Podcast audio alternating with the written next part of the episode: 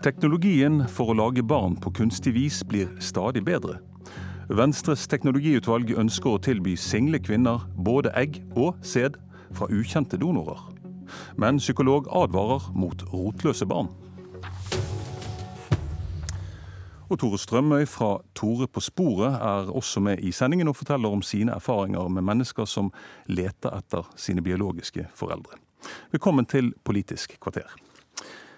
Sveinung Rotevatn, du skal forsøke å overbevise ditt eget parti Venstre på landsmøtet i helgen om å gå enda lenger enn det Høyre gjorde sist helg på bioteknologifeltet. La oss begynne helt konkret. Hvis det hadde sittet en kvinne ved din side, litt opp i 30-årene, kanskje nærmere 40, eggene hennes er begynt å falle i kvalitet, eller gå ut på dato, som folk gjerne sier. Eh, hun er singel, men hun har likevel et brennende ønske om å få et barn. Hva vil du gjøre for henne? Jeg tenker jo som så at sin oppgave det er å gi eh, folk muligheter, og ikke gjøre livet eh, mer vanskelig for den det trenger å være. Og Med det som utgangspunkt så vil jeg jo da si at det bør ikke være noe forbud mot at du i den situasjonen kan få eh, både eggdonasjon og sæddonasjon. Og både oppfylle ønsket om å bli forelder, om det motiverte det, og ikke minst gi et barn muligheten til å vokse opp og få en god barndom. Eh, det som var tema for det arbeidet vi har gjort, det er jo det vi har kalt teknologi, fantastiske muligheter og store utfordringer. Og jeg tenker at Det oppsummerer jo hele det feltet her veldig godt. Fordi at Den teknologiske utviklinga innenfor bioteknologi særlig gir oss jo fantastiske muligheter. Ikke sant? Det gir fantastiske muligheter for de som før ikke kunne få barn, til å få barn. Det gir barn muligheten til å vokse opp og få gode og lykkelige liv. Men det gir oss selvfølgelig også en del utfordringer, fordi mye av dette er jo uvant. Eh, det er ukjent. Eh, og en skal i og for seg gå forsiktig fram, eh, men det betyr ikke at en ikke skal gå framover. Mm. Hvem vil dette konkrete eksempelet du opp i starten av, hvem vil det barnet ligne på? Det Barnet vil jo eh, genetisk sett være knytta til de som da har donert, eh, men det vil jo være født av det som da vil bli barnets mor. Eh, og fylle etter alle solmerker og erfaring eh, få et godt liv og ha det like godt som andre barn.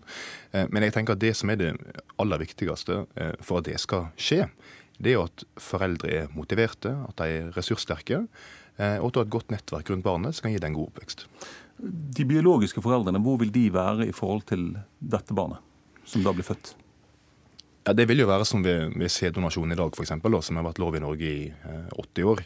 Eh, at du er genetisk knyttet til det barnet, eh, og at barnet vil ha en mulighet til å få vite om den tilknytninga når det blir voksent. Eh, men at den som har født deg, eh, er din forelder eh, og vil ha det ansvaret.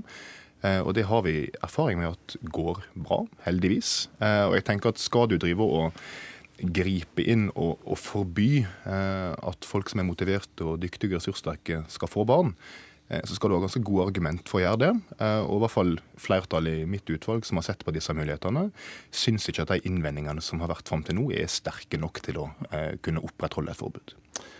Tore Strømøy, velkommen. Takk for det. Du er altså ingen forsker, men du har laget TV-programmet Tore på sporet i 22 år, og er sannsynligvis den mannen i Norge som har møtt flest mennesker som leter etter sine biologiske foreldre. Hva håper de å finne? De håper å finne seg sjøl på mange måter, vil jeg si. Eh, de som skriver til meg, og det er veldig mange, da eh, de, eh, de, lurer på det siste biten i puslespillet som de snakker, for å kjenne sine røtter, vite hvor de hører til hen. Eh, hvem er foreldrene, hvor går slekta deres, hvem ligner de på? Alt mulig sånn. Så det, og, og, og det ikke bare vanlige folk, men kanskje særlig adopterte, da, som ikke kjenner sin biologiske familie, som, som gjerne vil vite det sjøl om de har en god familie i Norge eller øh, ja, har en god familie, så, så, vil de likevel vite hvor kommer de fra. Ja, hvorfor er det så viktig for dem? Jeg tror at det handler litt om, om røtter å stå stødig og, og, og, vite hvem du er og hvor du hører til hen. Jeg bruker jo, Når jeg skal forklare ungene mine, så sier jeg at det, det som, hvis du ser et stort tre, og dess lenger røtter treet har, dess stødigere står det Eh, hvis du har sett et tre som står i vinden, og når du, du, du, røttene kan løfte opp nesten hele plenen, men, men, det står fordi at det har lange røtter. Og det tror jeg er kanskje det dere her søker også, å få ha de her røttene og ikke være fullstendig historieløs. Sånn som meg, eksempel. Jeg kan jo spore slekta mi mange hundre år tilbake. og Og mens, mens den andre da har ingenting. Hvordan tror du det har formet dem eh, som mennesker at de ikke har kjent eh, en eller begge sine foreldre, biologiske foreldre i oppveksten? Mange har store problemer med det. Eh, jeg har voksne mannfolk som gråter til meg på telefonen fordi at de ikke vet hvor de hører til. Så, så, så at det her at mange reagerer og at det, at det går sterkt inn på dem, det, det, gjør det. Og de får ikke, de får ikke den, den, roa som de trenger i livet. De, de føler ikke at de hører til noen plass, for å si det sånn. Hva gjør det for eh, de menneskene som du har, har, eh, har fulgt frem til sine biologiske foreldre? Hva, hva, gjør de etter at eh, de har møtt sine biologiske foreldre? Da får de først og fremst den der roa. Alle sammen peker jo på det at liksom Å bruke det forslitte uttrykket som et puslespill, at de siste brikkene kommer på plass. Nå, nå, vet de hvem de er, nå vet de hvem de ligner på, nå vet de hvem de slekter på, hva de, hva de kan være stolt av. De vet om det finnes noen sykdommer i familien, hva de kan være forberedt på, og masse sånne ting som gir dem en, en ro. Uh, og det er ikke nødvendigvis at de trenger å holde kontakten med foreldrene heller, men bare det at, at du vet. Mm. Det tror jeg I hvert fall virker det som det er veldig viktig, og de tusenene som jeg har tatt imot her. Da. Strømøy, du er jo ingen eh, politiker, så du skal slippe å debattere dette her, men, men bli med videre i sendingen eh, likevel. Sveinung Rotevatn, når du har hørt eh, Strømøy med all den erfaringen han har, hva, hva tenker du da? Nei, Jeg tenker at han har mye rett. Altså, jeg har jo vokst opp med Tore på sporet og sett mange av disse eh, programmene. og Det er ingen tvil om at Rødt er veldig veldig viktig. Og Jeg tror nok at mange av de han jobber med, eh, og egentlig alle som er usikker på hva som er sitt genetiske opphav, eh, ønsker å kjenne det. Derfor er jo jeg og Venstre f.eks. mot at vi skal gi anonym donasjon. Men jeg tror ikke... Bare for å stoppe litt der. For, ja. for disse barna de vil altså ikke vite hvem sine biologiske foreldre er frem til de er 18, så de vil leve i 18 år uten å vite hvem eh, de biologiske foreldrene er. Slik jeg forstår ditt forslag. Ja, og slik det f.eks. er i dag med sæddonasjonen. Ja. Um, men poenget mitt var at selv om det å vite om dette og å kunne oppsøke sine røtter er viktig for eh, mange, bl.a. adoptivbarn, så betyr ikke det at de eh, er mindre glad i de foreldre de har vokst opp med. Eller langt mindre at de skulle ønske de ikke var født. Um, Tvert imot så ønsker de å vite hele bildet, og det syns jeg du skal ha en rett til å vite. Men jeg mener ikke at det er et argument imot eh, at du skal kunne gi sæddonasjon, slik du gjør i dag. Jeg syns heller ikke det er et godt nok argument mot at du skal kunne gi det en da kaller dobbeltdonasjon, eh, som bl.a. er lov i Danmark. Eh, som da vil være tilfellet der du eh, f.eks. har ei kvinne som ønsker å motta assistert befruktning, men som f.eks. er bærer av en alvorlig arvelig sykdom, og derfor ikke ønsker å bruke sine egne egg. Da mener jeg at det er helt legitimt at du da har et ønske om å få eggdonasjon og sæddonasjon. Og som sagt, En kan mene at det ikke skal være lov, det er ikke lov i dag, men jeg syns ikke at argumenter mot, i hvert fall ikke det som har blitt framført i debatten, har vært tungtveiende tungtvegende nok til at de kunne opprettholde det forbudet, som da hindrer motiverte mennesker i å bli gode foreldre, og hindrer barn i å komme til verden. Marit Johanne Bruseth, du fikk ikke barn på 80-tallet, og da startet du organisasjonen sammen med en del andre kvinner, Foreningen for ufrivillig barnløshet. Så fikk du barn, ett ved hjelp av prøverør, og ett barn adopterte du. Og siden har du endret syn på mye. Hva skjedde? Uh, først så vil jeg bare presisere at jeg var med å starte en lokalavdeling av Foreninga for ufrivillig barnløse. Uh, og jeg fikk et barn midt på uh, eh, 80-tallet. Jeg adopterte et utenlandskfødt barn som døde brått og uventa for tre år siden. Og da bestemte jeg meg for at jeg ville delta i denne debatten, offentlige debatten om eggdonasjon. Tidligere hadde jeg holdt meg i bakgrunnen fordi at jeg følte veldig sterk lojalitet til de ufrivillig barnløse. Men jeg så at det, debatten ble mer og mer dreia over på de voksne sitt, sine behov og ønsker. Og jeg erfarte i jobben min som psykolog, både som behandler for barn og unge, og i eh, jobben min som barnefaglig sakkyndig i barnevernssaker og i barnefordelingssaker, at spørsmålet om biologisk, eh, biologisk band var veldig viktig for veldig mange. Og det at jeg møtte det på nært hold, og jeg så den eh, sorgen, det, det savnet og den uroen som mange hadde omkring disse spørsmålene, gjorde at jeg endra syn. Eh, lojaliteten min ble flytta over til barna, og jeg ser at det å påføre barn og ungdom, eh, tidlig voksne, eh, så stor belastning, det tenker jeg at vi som samfunn ikke har rett til. Kvinner som hører deg nå, kan jo tenke at du trekker stigen opp etter deg for mm. andre kvinner. At du kan tillate deg å være kritisk i dag fordi du selv fikk barna du ønsket deg. Mm. Hva sier du til det?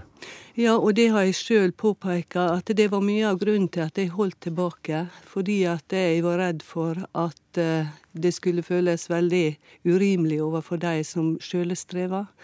Men jeg har sjøl gjort erfaring på at eh, barna sin situasjon har påvirka meg og gjort et så sterkt inntrykk på meg at jeg føler en forpliktelse til å, å tale deres sak.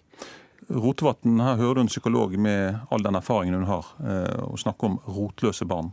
Hva tenker du? Jeg tenker at det skal en selvsagt lytte til. Erfaring er viktig. Eh, jeg tenker at også forskning og eh, systematisk kunnskap er viktig.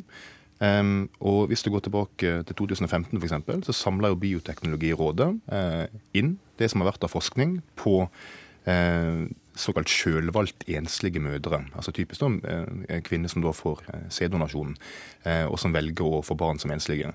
Og Det flertallet disse forskningsstudiene viser, er at disse ungene her er like sosialt veltilpassa som andre unger, og like tett knytta til sine foreldre som de andre unger er.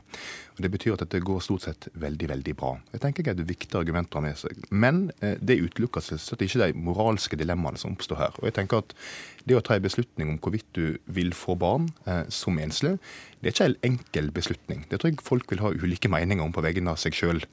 Men det vi diskuterer her er skal vi ha meninger på vegne av andre. Eh, og jeg tenker at Selv om slike ting kan være vanskelige og dilemma, så er ikke det en grunn god nok til at Stortinget på vegne av alle i Norge skal si nei. Jeg tror at det å ta den typen valg, eh, det er mange mennesker i god stand til å gjøre. Jeg vil faktisk si at det er en ganske sentral del av det å være menneske, å ta stilling til vanskelige etiske spørsmål. Bruseth, nå hører du Rotevatn sier her at eh, den forskningen som er tilgjengelig, eh, sier at det går bra med disse donorbarna. Hva er din, din kommentar til det? Min kommentar det er at det hittil er gjort veldig få studier av donorbarn. Og forskninga, den som er gjennomført, der er det flere metodemessige svakheter. Det er små utvalg, og det er veldig få langtidsstudier. Og det er usikkert også på hvordan skal man måle psykososiale vansker. Hvorfor, hvorfor, er det vanskelig? Hvorfor har det vært vanskelig, disse arbeidene? Fordi at det, det er eh, Hovedinnvendinga er jo også at det, det man vet er opp til barna nå er en 14-15-16 år gamle. Og min erfaring er at det er jo i åra eh, mellom, altså etter den eh, alderen og oppover, at dette med identitetsprosessen er spesielt eh, aktiv. Og så man kan ikke, vil jeg påstå, hevde ut ifra forskning at man har sikker kunnskap. Man kan ikke hevde verken at det, det, går bra med disse barna, og man kan ikke hevde at det går dårlig med disse barna. Så det vi har å holde oss til, det er jo de erfaringene som er gjort, og de vitnemålene som veldig mange, både eh, adoptivbarn og andre barn med uklar bakgrunn, kan fortelle oss om. Rotevatn, eh, forskningen den strekker seg altså fram til 14-15-årsalderen. og Etter det så vet vi ikke så mye hvordan det går med disse barna. Eh, er det nok for deg som, som, eh, som er i et parti som smykker seg med å være et kunnskapsparti? Ja, Vi skal ta med oss den kunnskapen eh, som finnes. Ja, nå, nå sier du at det finnes lite av den.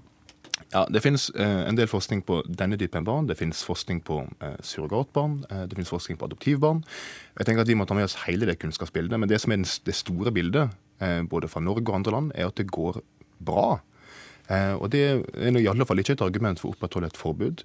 Og så skal vi også huske på det at Norge er jo eh, ikke akkurat si, fremst i klassen her. Altså Alle våre naboland har gått lenger enn oss i f.eks. tillate eggdonasjon, har gjort det i mange år. De fleste europeiske land ligger på en mer liberal retning enn det Norge har gjort. Slik at det er ikke sånn at vi vaser inn i ukjent territorium her. Tvert imot har vi ganske mye erfaring. Og det at teknologien gir flere motiverte foreldre sjansen til å få barn, og flere barn sjansen til å vokse opp og leve gode liv, det tenker jeg at vi skal se på som en mulighet mulighet, og ikke som et stort problem. Da eh, er Politisk kvarter eh, slutt. Takk til deg, Sveinung Rotevatn, og deg, Marit Bruseth, og deg, Tore Strømøy på Tyholt. Politisk kvarter ved Ole Reinert Omvik.